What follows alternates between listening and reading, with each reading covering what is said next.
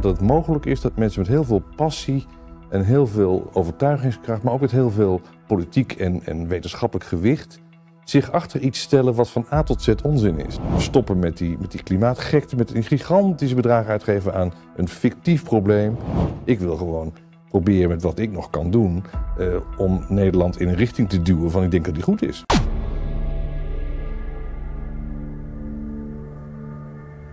Hartelijk welkom bij Café Weltsmerts, waar wij in de aanloop naar de Tweede Kamerverkiezingen van 22 november eh, de aanstaande Kamerleden, of in ieder geval de kandidaten op de kieslijst, de kans geven om zichzelf te presenteren, hun partij te presenteren en uit te leggen waarom je op hem of haar zou moeten stemmen. Hem, haar of hen moet ik tegenwoordig zeggen, heb ik begrepen.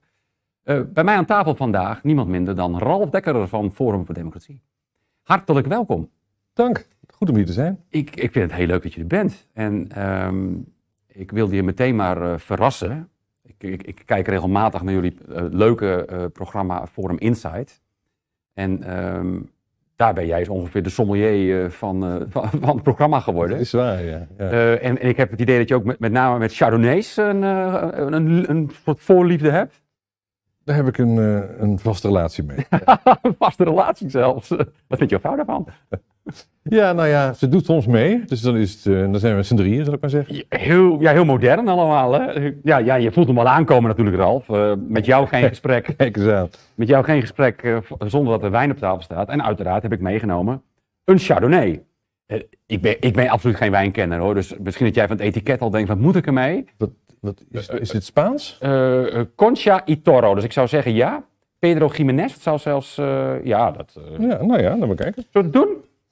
Het, het, is een Chardonnay uit, uh, uh, ik kan het jaar noemen, maar dat zal niet waar zijn. Nee, 1883 is het, het wijnhuis ja, is sinds 1883. Wel een beetje muf, ja, ja, nee, de, inderdaad, dit wijntje al in 19, 1883 van het land is gehaald, die druif, dan gaat er iets mis, ben ik bang. Nou, uh, ik zou zeggen, laat hem je smaken. Nou, ik ben heel benieuwd. En proost. Welkom. Fijn dat je er bent. We gaan het hebben over, ja, eerst over jou.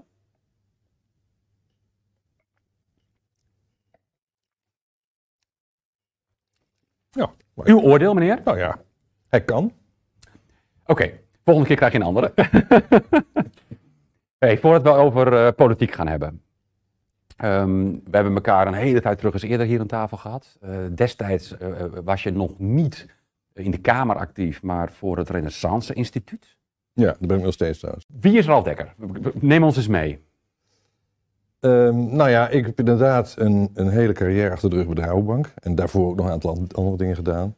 Maar ik heb per saldo meer dan 30 jaar bij de Rabobank gezeten. En de hele carrière gemaakt in dat hele grote bedrijf. Een hele grote instituut. Uh, en ik eindigde in de raad van bestuur. Dus op zich is dat wel, wel ja. leuk. Dan zie je alle geledingen, zou ik maar zeggen. Veel buitenland gedaan ook. Uh, de laatste 10, 15 jaar voordat ik in de raad van bestuur kwam. En het leuke van zo'n hele grote organisatie is natuurlijk dat je, je kunt weer hele nieuwe werelden ontdekken. Als je ergens anders heen gaat, dan zit je niet met dezelfde collega's, maar hele andere. Dus die, uh, de overstap van eerst binnenland en toen uh, in het buitenland. Veel reizen, wel vanuit Nederland hoor, maar mm -hmm. gaf weer hele nieuwe mogelijkheden. Dus dat was wel heel leuk. Um, en ik ben ja, dus daardoor toch wel gewend geraakt om in bepaalde kringen van Nederland te verkeren. En de overstap na mijn uh, vertrek uit Rabobank naar Forum voor Democratie, of in ieder geval de, het is geen baan, ik ben pensioen nu, maar uh, wel een, een hele andere omgeving om in te werken. Die overstap werd natuurlijk door veel mensen toch wel met uiterste uh, argwaan, verbazing bezien. Ja, ja. ja, want het is toch een, een een bankster en die de politiek ingaat. Ja, ja, en dan met name, kijk, als ik nou bij de VVD actief ja. was geworden, dan, dan was het nog tot daar aan toe. Maar Forum voor Democratie, ja, helemaal in het begin uh, was dat nog wel enigszins interessant. Hè? Het was toch een, een soort VVD-light leek, leek het te zijn, dachten mensen in het begin. Ja. Um, maar toen ik gewoon bleef, toen alle splitsingen en toestanden waren, toen werd ik wel steeds meer aangesproken door mijn oud-collega's van, wat, waar ben je mee bezig? Dat is wel grappig. Dus en, maar waar, waar, kwam dan dat, uh, dat, waar kwam die vraag dan vandaan? Omdat ze het maar raar vonden dat je bij de FVD-club terecht was gekomen? Ja, ja. De, de, de hele framing van FVD ja. zoals die heeft plaatsgevonden al zeg maar, kort na de overwinning in 2019. Hè, die, die grote uh, verkiezings, verkiezingsoverwinning toen. toen eigenlijk prompt daarna begon al het, het Ja. zware besje van dat hele gebeuren. Het werd steeds erger bij het, het vertrek van ja 21 en later het vertrek van, eh van Wiebe van Haga en zo.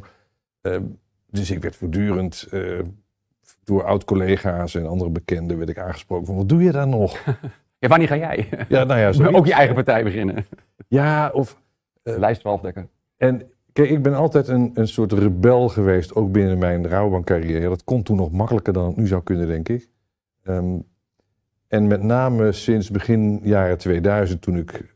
Ik heb geologie gestudeerd in het verleden. Mhm. Ehm, toen ik ontdekte dat dat hele CO2-klimaatverhaal op niets gebaseerd was. Eh, en ik ook zo fanatiek werd dat ik daar volledig ging studeren en zelfs over ging publiceren. En ik werd actief in de Groene Rekenkamer en ik ging allerlei dingen doen. Ehm, en dat kon toen nog wel binnen de Rabobank, maar ik was wel een buitenbeentje. Ja. Ehm, maar men was wel geïnteresseerd toen in eh, andere gezichtspunten. Maar toen merkte ik al van, eh, er zijn hele hoofdstromen op gang gebracht rondom dit onderwerp. Ehm, als je er goed induikt, dan stel je vast dat het helemaal nergens op gebaseerd is. Ja. Maar dat weerhoudt mensen er niet van om toch mee te doen. Ja. En als je daar een keer in zit en dat, dat accepteert, het, als, als Obama in zijn eerste presidentiële termijn zegt van dit is de grootste bedreiging van de mensheid en van Amerika enzovoort.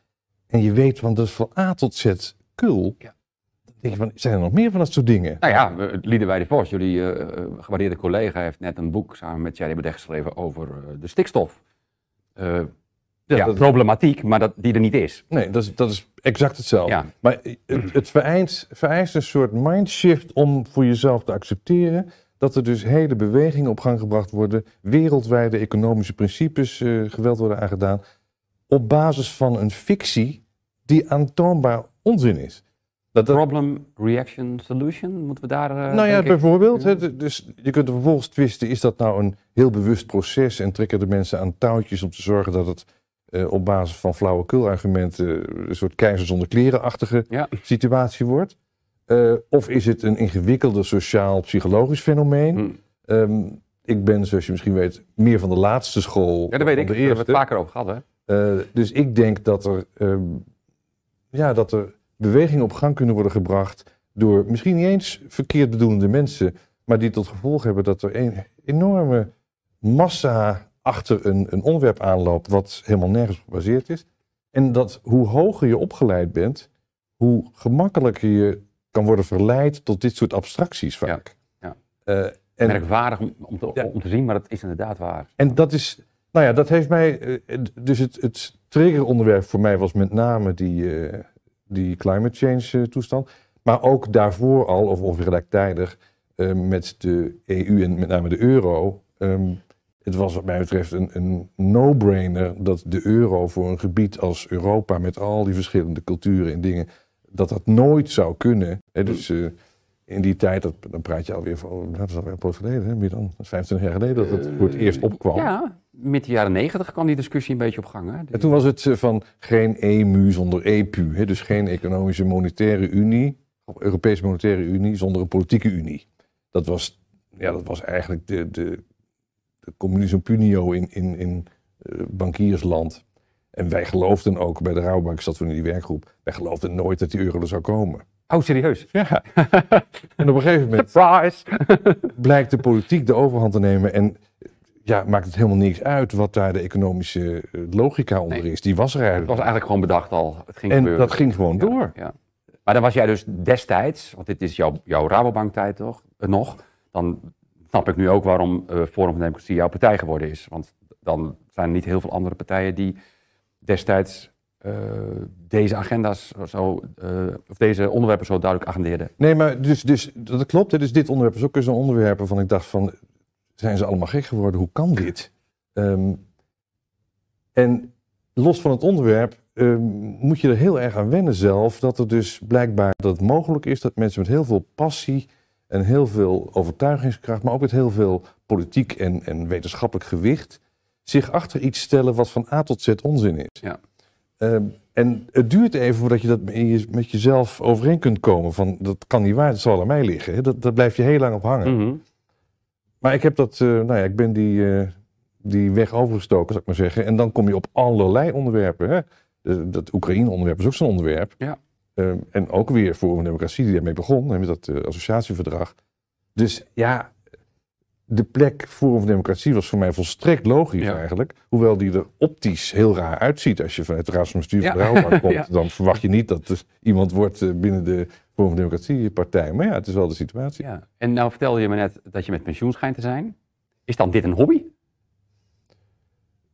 Ja, nou een hobby, nee, het is wel... Bezigheidstherapie? Wat, wat, wat- Nee, nee, het is, eh, het is wel plezierig om je eindelijk eens uit te kunnen spreken en ook wat invloed uit te kunnen oefenen in een richting waar je je altijd over verbaasd hebt. Kijk, Ja. tot, tot mijn, het eind van mijn carrière zat ik natuurlijk toch in een soort tredmolen van een grote organisatie. En ik vond er wel wat van, ik zei er ook wat over en ik had ook een klein beetje invloed van laten we die windmolens nou niet eh, financieren tot hun eindpunt, maar laten we dan, als, we dat, als mensen dolgraag die dingen willen hebben, laten we ze dan financieren voor de, voor de bouwfase.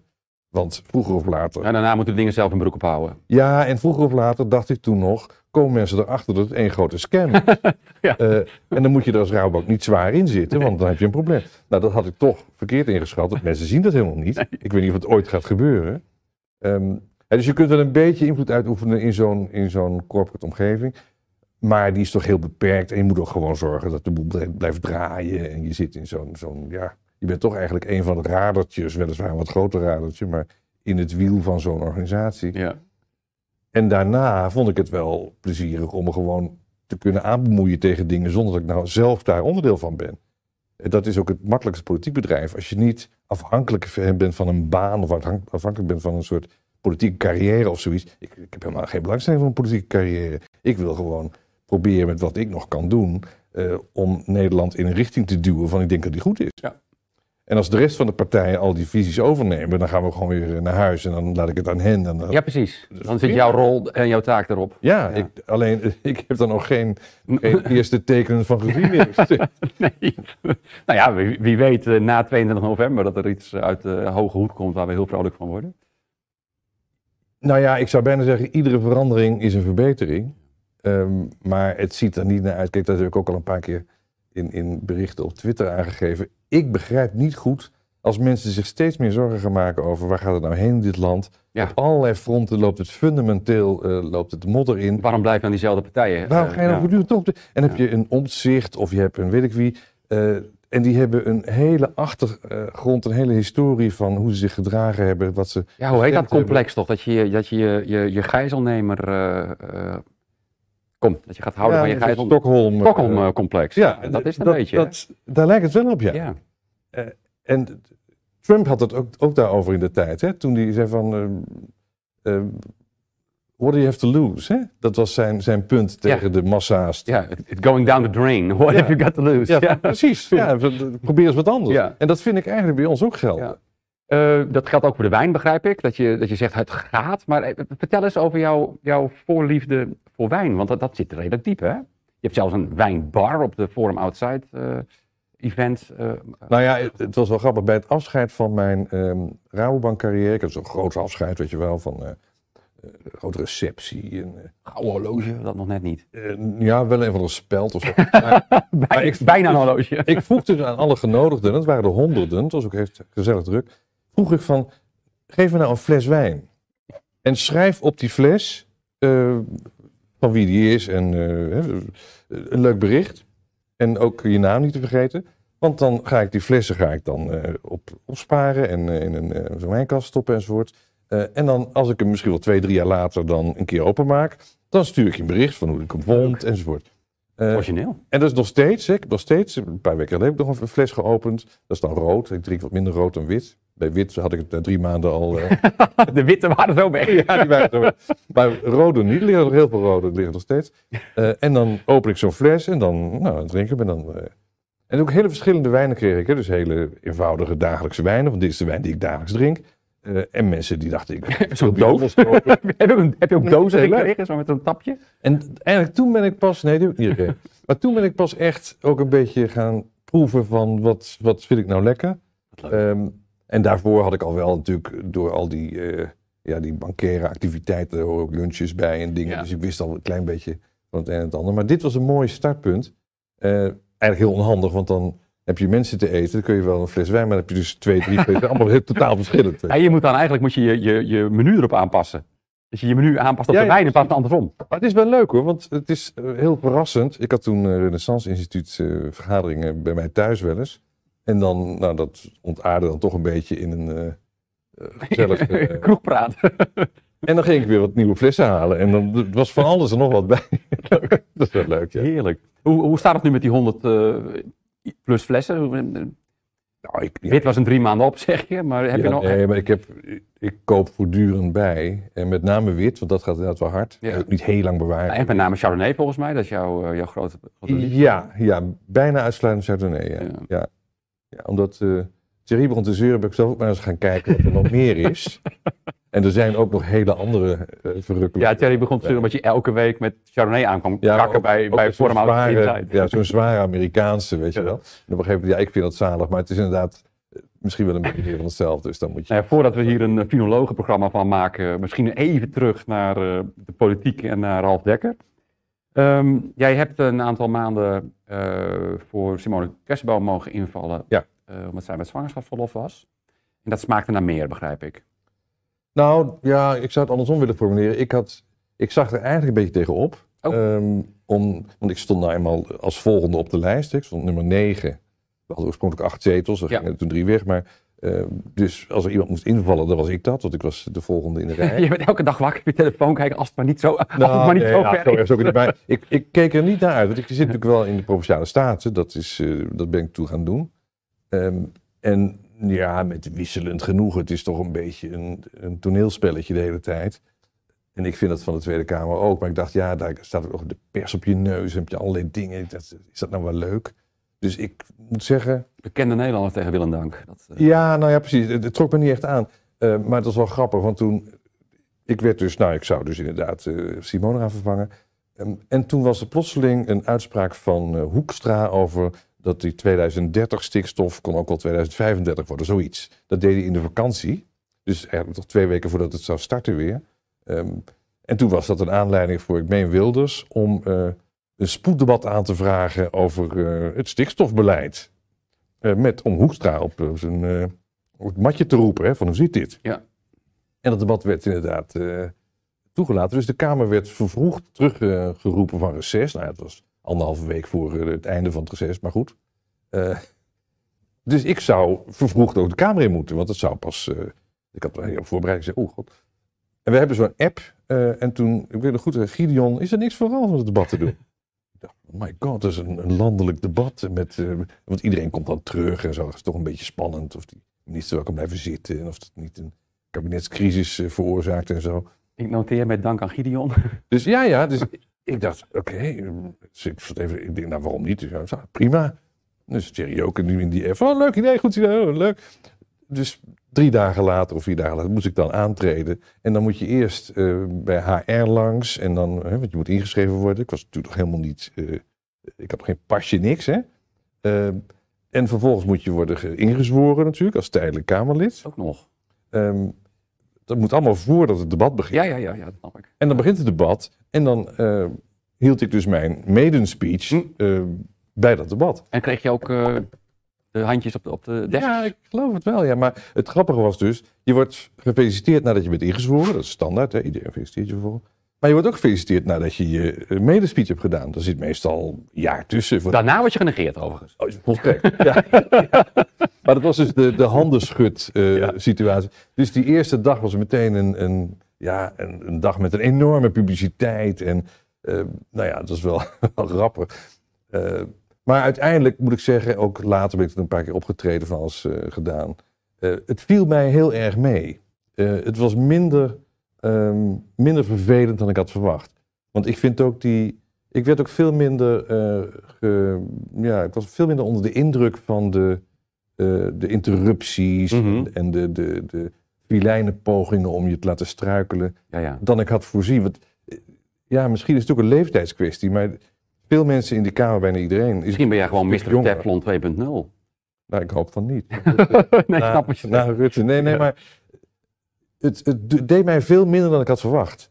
het, het, het interacteren met, met mensen in de Kamer. Ik vond het echt wel aardige mensen. En die gingen dan een vraagje stellen, maar je zag het zo van tevoren aankomen. Ik vond het nou niet echt heel erg bedreigend. Dus het, het was minder, eh, ja, minder stressvol dan ik had gedacht. Dus na die zeven maanden heb ik gewoon allerlei dingen gedaan. Dat was eigenlijk wel leuk.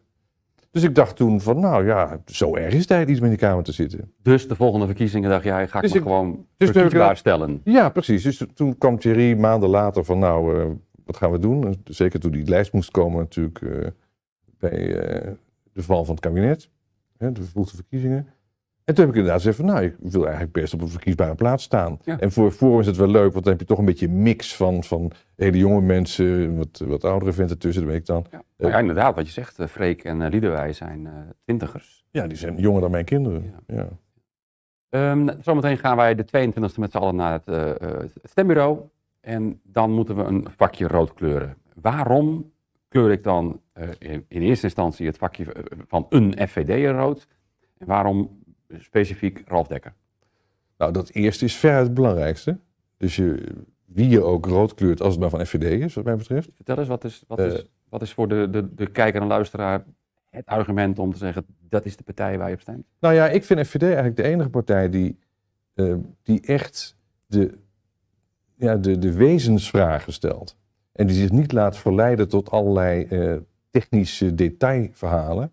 Van moet hier nou 12 of 11,5 miljard aan besteed worden, weet je wel? Dat is allemaal leuk, maar dat is toch een beetje meer het, het, het boekhoudersachtige en het gedetailleerde Mhm. beleidspuntjesachtige In de marge eh, in de marge. Eh, er zijn gewoon een aantal megatrends. eh, Of het nou gaat over de massa-immigratie, of het nou gaat over de klimaat- en energietransitiegekte. En daar hoort stikstof ook bij.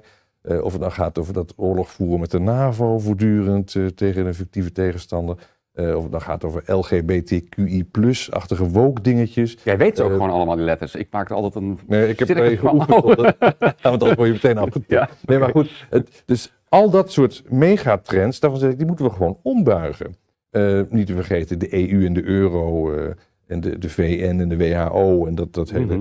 Eh, er zijn, zijn dus maar een stuk of vijf, zes, zeven hoofdthema's wat mij betreft, die allemaal dezelfde kant op lopen. En ik vind het veel belangrijker dat we die omgebogen krijgen. Dus dat we weer baas in eigen land worden. eh, dat we die, eh, die immigratie stoppen. En heel veel mensen die hier gekomen zijn, zijn onrecht ook weer gewoon terugsturen. eh, of in ieder geval stimuleren om terug te gaan. Eh, dat we stoppen met die, met die klimaatgekte, met die gigantische bedragen uitgeven aan een fictief probleem.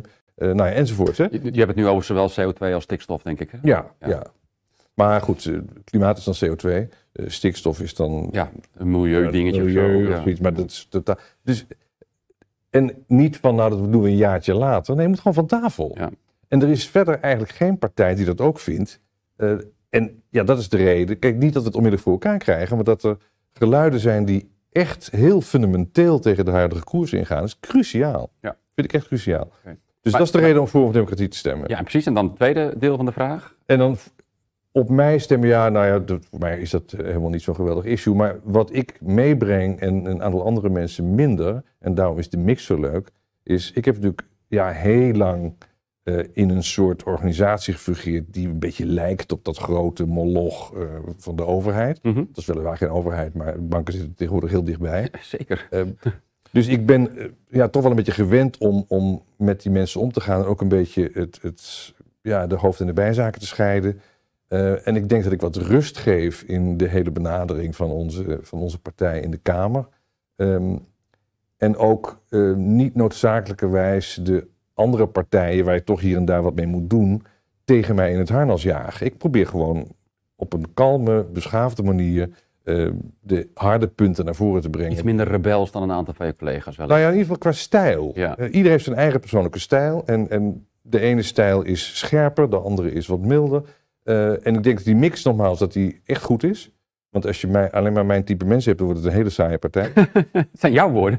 maar nee, maar daarom zeg ik het maar vast. Maar het is wel, wel goed om ook zo'n geluid te hebben. Ja, de Nestor van, eh, van de familie. Ja, ja, de, de, rustige oom, zeg maar, die, eh, die af en toe eens eh, de mensen wat toespreekt. En zegt Ja. van jongens, dat zo.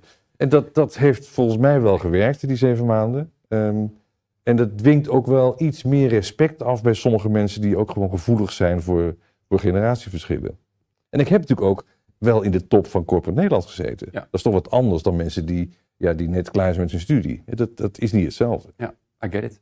Ik ga jou ongelooflijk veel plezier en succes wensen in aanloop naar de 22e toe. En ik, ik ga er een klein beetje vanuit dat je na de 22e ook weer eh, in de Kamer terechtkomt. Eh, jij liever dan ik, moet ik eerlijk zeggen. Maar het is een slangenkuil waar ik niet, eh, niet, niet, in thuis zou horen, denk ik. Eh, ontzettend fijn dat je er was. Hartelijk dank, Ralf Dekker. Dank je. Je keek naar Café Welsmet. Tot de volgende keer.